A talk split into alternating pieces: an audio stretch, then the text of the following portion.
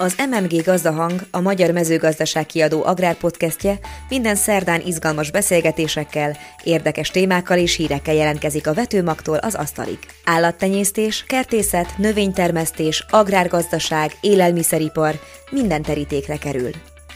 Kevesen vannak, akik annyira jártasak a hazai borkultúrában, mint éppen Zilai Zoltán. Első találkozásunk a 90-es évekre tehető, amikor a Néprajzi Múzeumban megszervezte a Márton napi újbor ünnepet. Abban az időben kevesen emlékeztek erre a régi hagyományunkra. A szakember más területen is úttörőnek bizonyult, olyan borvidékeket emelt be a Rivalda fénybe, amelyek eddig békésen meghúzottak a háttérben. Kevésbé ismert szőlőfajtákat, borászokat karolt fel, sokan nekik köszönhetik pályájuk indulását. És akkor még nem is beszéltünk olyan mára már nagy nevű eseményekről, mint a Budapesti Borfesztivál, a Vinagóra Nemzetközi Borverseny, vagy a Rozália, a rozéborok ünnepe. Beszélgető partnerünk Zilai Zoltán, a Magyar Szőlő és Borkultúra Nonprofit Kft. ügyvezetője.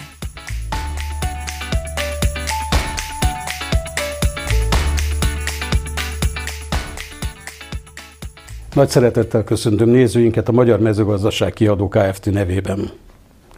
Túl a születen, a Márton nap előszobájában természetesen bor lesz, az idei új bor is a témánk.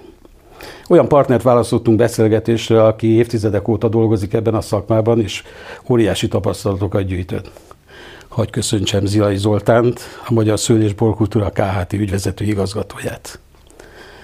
Zoltán, pörgessünk vissza néhány évtizedet, pontosan 1997, mint megbeszéltük, amikor a Néprajzi Múzeum termében álltunk a nagyon szép helyszínen, és bemutattátok Bok Jóska barátunkkal a Márton napi újbort. Mi vezetett el odáig, hogy megint elővetétek ezt a nagyon szép hagyományt? Igen, ez 97 őszén, november 11-én Szent Márton Bora néven került a piacra akkor Bok József kékoportója, és ez egy, nekem ez büszkeségem is, hogy ez a mi társaságunknak, baráti körömnek, kollégáimmal közös társaságunknak a, a, a kezdeményezése volt, hogy azt a meglévő hagyományt, ami az újbor körben Szent Márton nevéhez és Szent Márton napjához köti az újbor bírálatát, az újbor ünneplését, ezt próbáljuk föleveleníteni, és próbáljunk ebből újra egy olyan ünnepet létrehozni, újra ezt megerősíteni, ami, ami a borkultúrát támogatja, segíti és ebben Bok József volt a behívott borászbarátunk, akinek olyan kékoportója volt már akkor is, hogy, hogy gondoltuk, hogy egy jó ötlethez egy jó termék, egy jó minőségű bor kell, és ő ezt akkor így tudta hozzá produkálni, és akkor egy ilyen összefogásban Főrhéci Horváth Gyula volt egyébként, aki egy etnográfus, és, és tévés személyiség is, meg rádiós személyiség is volt, most már egyébként boros gazda, Kiskanizsán él. Tehát ővele közösen alkottuk meg ezt a, vagy, vagy, vagy gondoltuk végig ezt a lehetőséget, és indítottuk útjára az újbor ünnepet, a Szent Márton napjához kötött újbor ünnepet. Úgyhogy ezt ma már a, nem nagyon jegyzik, sajnos, de, de ebben valóban ez a kis csapat, az akkori Corvinum Kft., akkor én borkereskedő is voltam, és ebben a körben mi voltunk, akik ezt útjára indítottuk, és azóta ez, hála Isten, Istennek nagyon megizmosodott, és ez a mi sikerünk, ez a mi fizetségünk ebben, hogy, hogy azt gondolom lett egy újra egy olyan ünnep Szent Márton kapcsán, és az újborhoz, a liba fogyasztáshoz kapcsolódóan, amivel ma az emberek nagyon sokszor találkoznak, és nagyon sok embernek szerez ez örömöt és, és kikapcsolódást. Szóval nem csak ebben voltál úttörő, hanem ahogy mondottad volt, amikor borkereskedelemmel foglalkoztál, akkor olyan fajtákat, borászokat vagy borvidékeket hoztál be, amelyekbe azt hiszem, hogy kevesen fektettek volna még akkor,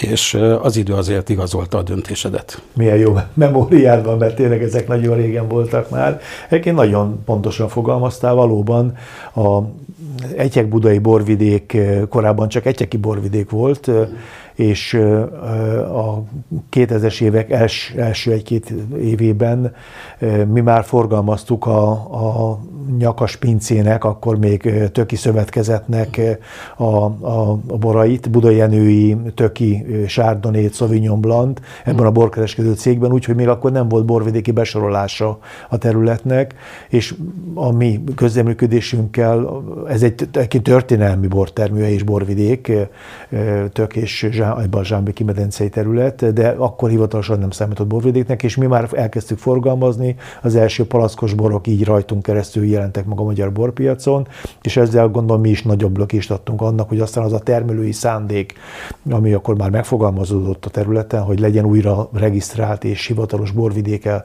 Magyarországnak ez a terület, az akkor ez így sikert ért el, és valóban az egyek budai borvidék egyik területeként, körzeteként hivatalosan is borvidéke vált valóban. Ez is egy, azért, szép Azért tudjuk, be nem csak ebben voltál úttörő, hanem ha megnézzük, hogy 92-ben már a Vörös Marti térre sikerült összetrombitálni borászokat, és az első akkor nem is tudom, hogy akkor is még Budapesti Borfesztiválnak hívták már akkor is? Igen, Budapesti Nemzetközi Borfesztivál. Nemzetközi Borfesztivál sikerült. első. Igen, igen, igen. És azt gondolom, hogy ez is egy óriási dolog volt, hiszen nem kivitted a vendégeket a borvidékekre, hanem a fővárosban, és így aztán nem csak azok juthattak hozzá, akik eh, már a borokhoz nem csak azok kóstolatták meg, akik nem utaztak, hanem külf- nagyon sok külföldi is.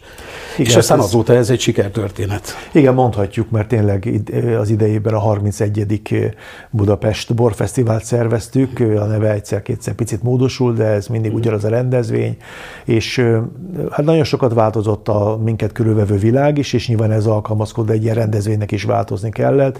Az említett induláskor 92-ben még nem is nagyon voltak ilyen fesztiválok, ilyen rendezvények, tehát mi nagyon úttörők voltunk valóban, és akkor egy olyan missziót, egy olyan küldetést töltött be ez a rendezvény, hogy azt az akkor éledező magyar borkultúrát segítette, támogatta azzal, hogy edukálta, tanította, információhoz, ismerethez juttatta a fogyasztókat, és a termelőket is egyébként a találkozásuk révén, a fogyasztók és a borászok közötti találkozás révén, ők is a bormarketingben, a borkereskedelemben váltak járatosabbá, és ilyen módon az akkori küldetése a borfesztiválnak ez volt, aztán később, ahogy a borkultúra fejlődött, ez módosult, és ma pedig egy olyan divatos, trendi, nagyon, nagyon már a, a szofisztikált, komoly borminőséget ismerő közönséget invitáló és vendégül látó rendezvényé vált, és úgy, hogy a külföldi és nemzetközi ismertsége is nagyon jelentős már ennek az eseménynek.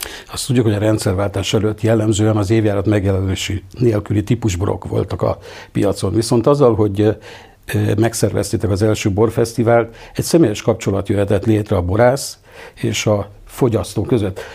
De mégis azt mondtuk annak idején, hogy a 90-es évek kezdetekor azok a családi borászatok edukálták inkább a, a fogyasztókat. Ez úgy tűnik, mintha egy kicsit megváltozott volna, és már a fogyasztó igények határozzák meg azt, hogy mit állítanak elő, hogy ez valós folyamat, vagy pedig csak kívülről látszik így. Hát ez egy dinamikus rendszer, azt gondolom, tehát az a, az a jelenség, hogy a fogyasztó rácsodálkozik és megkérdezi a termelőt is a borokról, és figyelembe veszi a, a borász szakmai szempontjait, ez nem, marad, nem maradt el.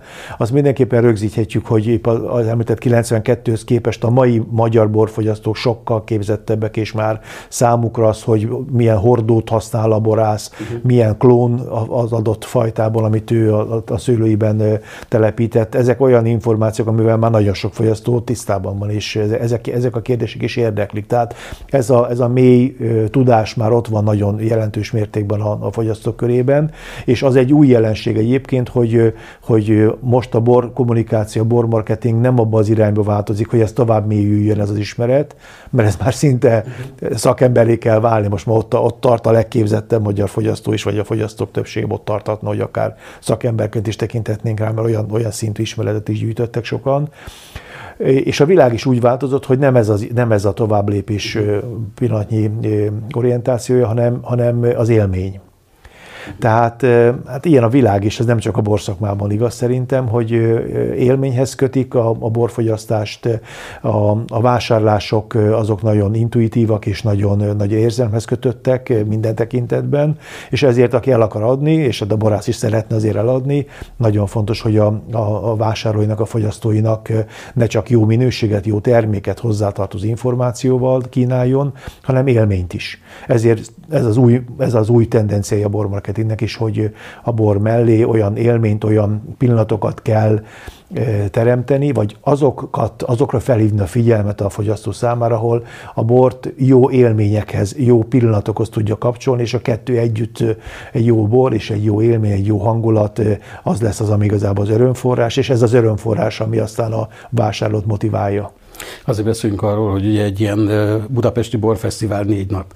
Mi zajlik az év többi részében? Neked nyilván van visszajelzésed a borászoktól, hogy meglátogatják őket, a borturizmus fellendülte ezáltal, tényleg közelebb kerültek egymáshoz a borászok és a fogyasztók. Tehát mi a tendencia?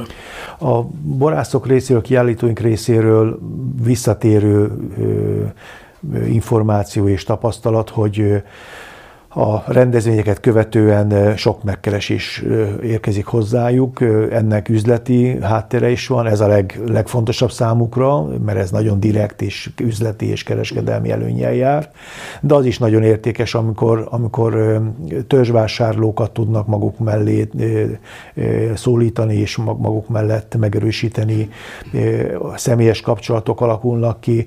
Ugye érdekes tendencia az elmúlt évtizedekben, hogy a borászok és a családi kisebb borászatok számára az ő portfóliójuk, az ő tevékenységkörük az már kiszélesedett, tehát nem csak bort adnak el, bort készítenek, hanem vendéglátással is foglalkoznak, bort kóstoltatnak, esetleg valami vendéglátás is kerül hozzá, vagy akár még szállásfogadás lehetősége is. Ezek mind olyan plusz megélhetési lehetőséget is kínálnak a borásznak, illetve olyan lehetőséget, hogy, hogy a fogyasztókat maga tudja saját borvidékén, a saját pincéjénél vendégül látni, és ezeket a kapcsolatokat a fogyasztókkal még szorosabbra fűzni, és ezeknek a kínálatoknak, ezeknek a termelői ajánlatoknak a fogyasztókhoz juttatásában is egy ilyen fesztivál, vagy a fesztiváljaink, azok komoly segítséget nyújtanak számukra. Tehát ezt ők úgy élik meg, hogy, hogy ebben az ő fesztiválozásuk, meg a fesztiválokon való részvétel az egy komoly segítség. Egy szót azért beszéljünk már a rozária kapcsán, a rozéről, amiben én azt gondolom, hogy Magyarország nagy hatalom nagyon változatos, nagyon színes fajta választék áll rendelkezésünkre, ugye a borvidékek is egészen mást adnak. Meddig lehet még a rozéból sikertörténet? Sokan mondják, meg már sokan egy pár év óta azt is mondják, hogy hát most már ennek meg kell állni, és már nem is, nem is növekszik annyira a, a rozéfogyasztás, és már a, a körülötte a, a nagy nagy felbuzdulás az már a lábhagyóban van. Én ezt nem így látom, és a számok sem ezt mutatják. Még, Főleg a rozária látogatottságán, még, még, Igen, még mindig én azt gondolom, hogy a rozé egy nagyon divatos, a, a fogyasztók körében egy nagyon közkedvelt termékkör a, a borok között, és tekintettel arra, hogy egy olyan ízvilágot, egy olyan karakter stílus képviselnek a rozéborok, ami, amelyek nagyon jól megismerhetők, nagyon könnyen megszerethetők, ezért a rozébor gyakorlatilag a borfogyasztás ban jártasság előszobája, első, első fokozata.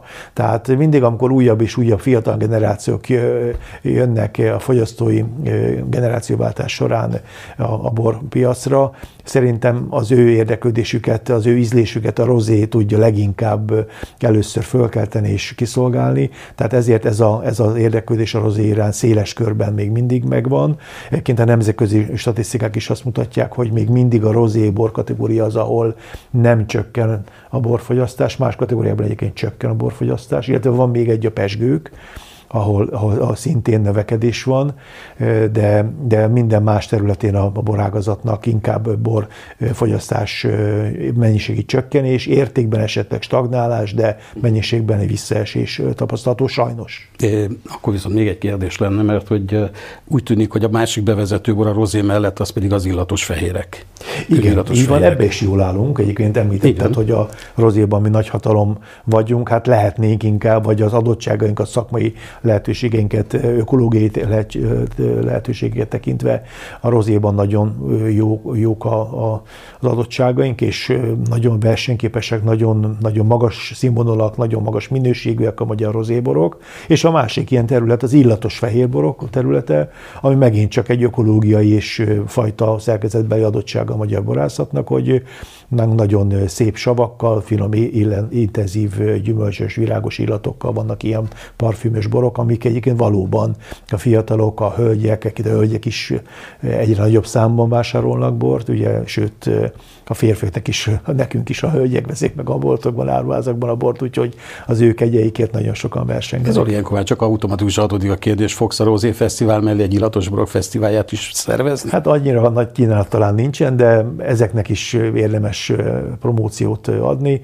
Maradjunk abban, hogy majd a Vinagóra, a nemzetközi borversenyünk területén majd az illatos boroknak próbálunk nagyobb ismertséget adni még. Azért ne felejtsük el, hogy nem sokára itt vannak az ünnepek. Ugye évközben, legalábbis így a baráti körben veled is, mi azért hétköznapi fogyasztók vagyunk, nem csak az ünnepekkor bontunk ki egy-egy palackot, hogy mi az, amit érdemes ilyenkor előkeresni? Több tanácsom is van, mert tényleg az ünnepkor tiszteljük meg és tekintsük nagyon fontosnak. Tehát én a nézőknek, azt, fogyasztóknak azt ajánlom máskor, és most is ezt teszem, hogy tegyük azzal ünnepi, vagy ünnepibbé az ünnepet, meg még kedvesebbé, szebbé magunknak és a szeretteinknek, hogy, hogy mindenképpen fogyasszunk a szép étkezéseinkhez, ünnepi étkezéseinkhez bort.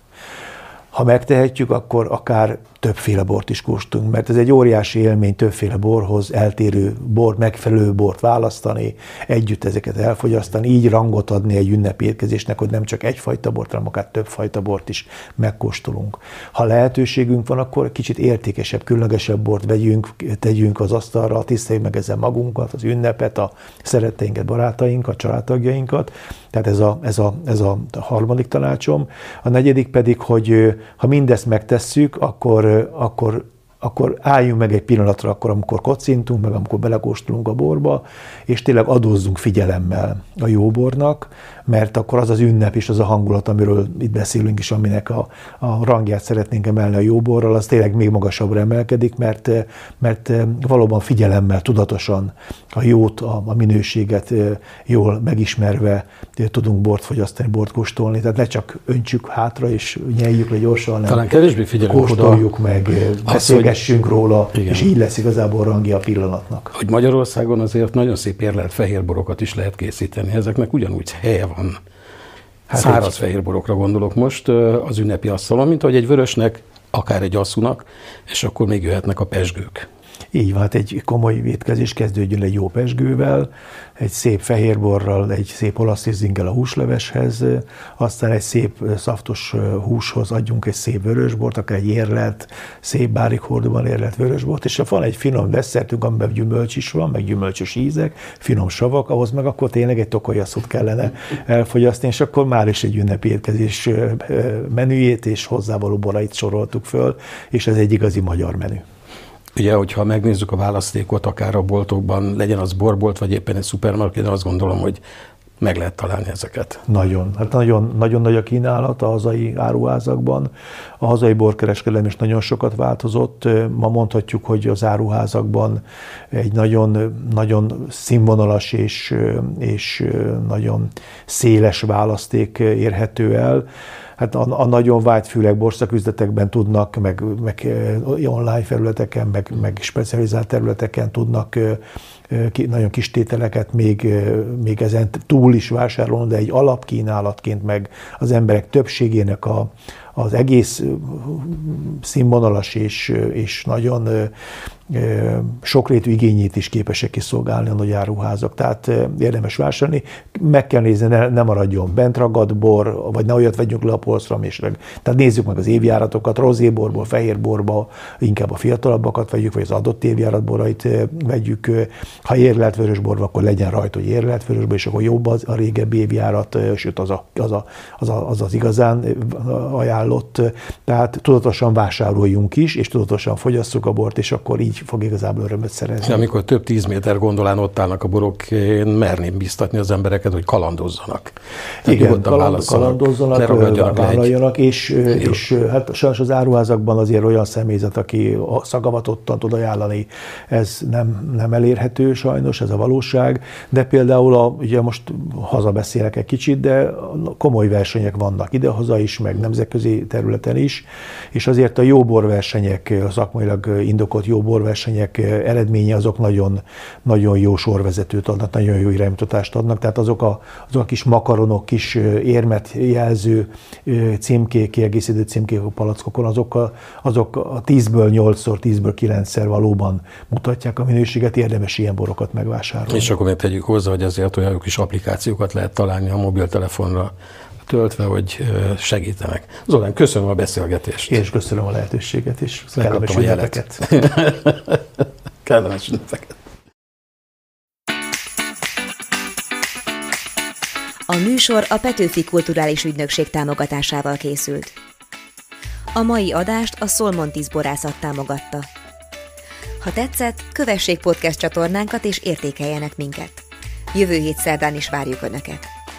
Addig olvassák a legfontosabb agrárhíreket a magyarmezőgazdaság.hu oldalon, kövessenek minket Facebookon, Instagramon és nézzék meg videóinkat YouTube csatornánkon.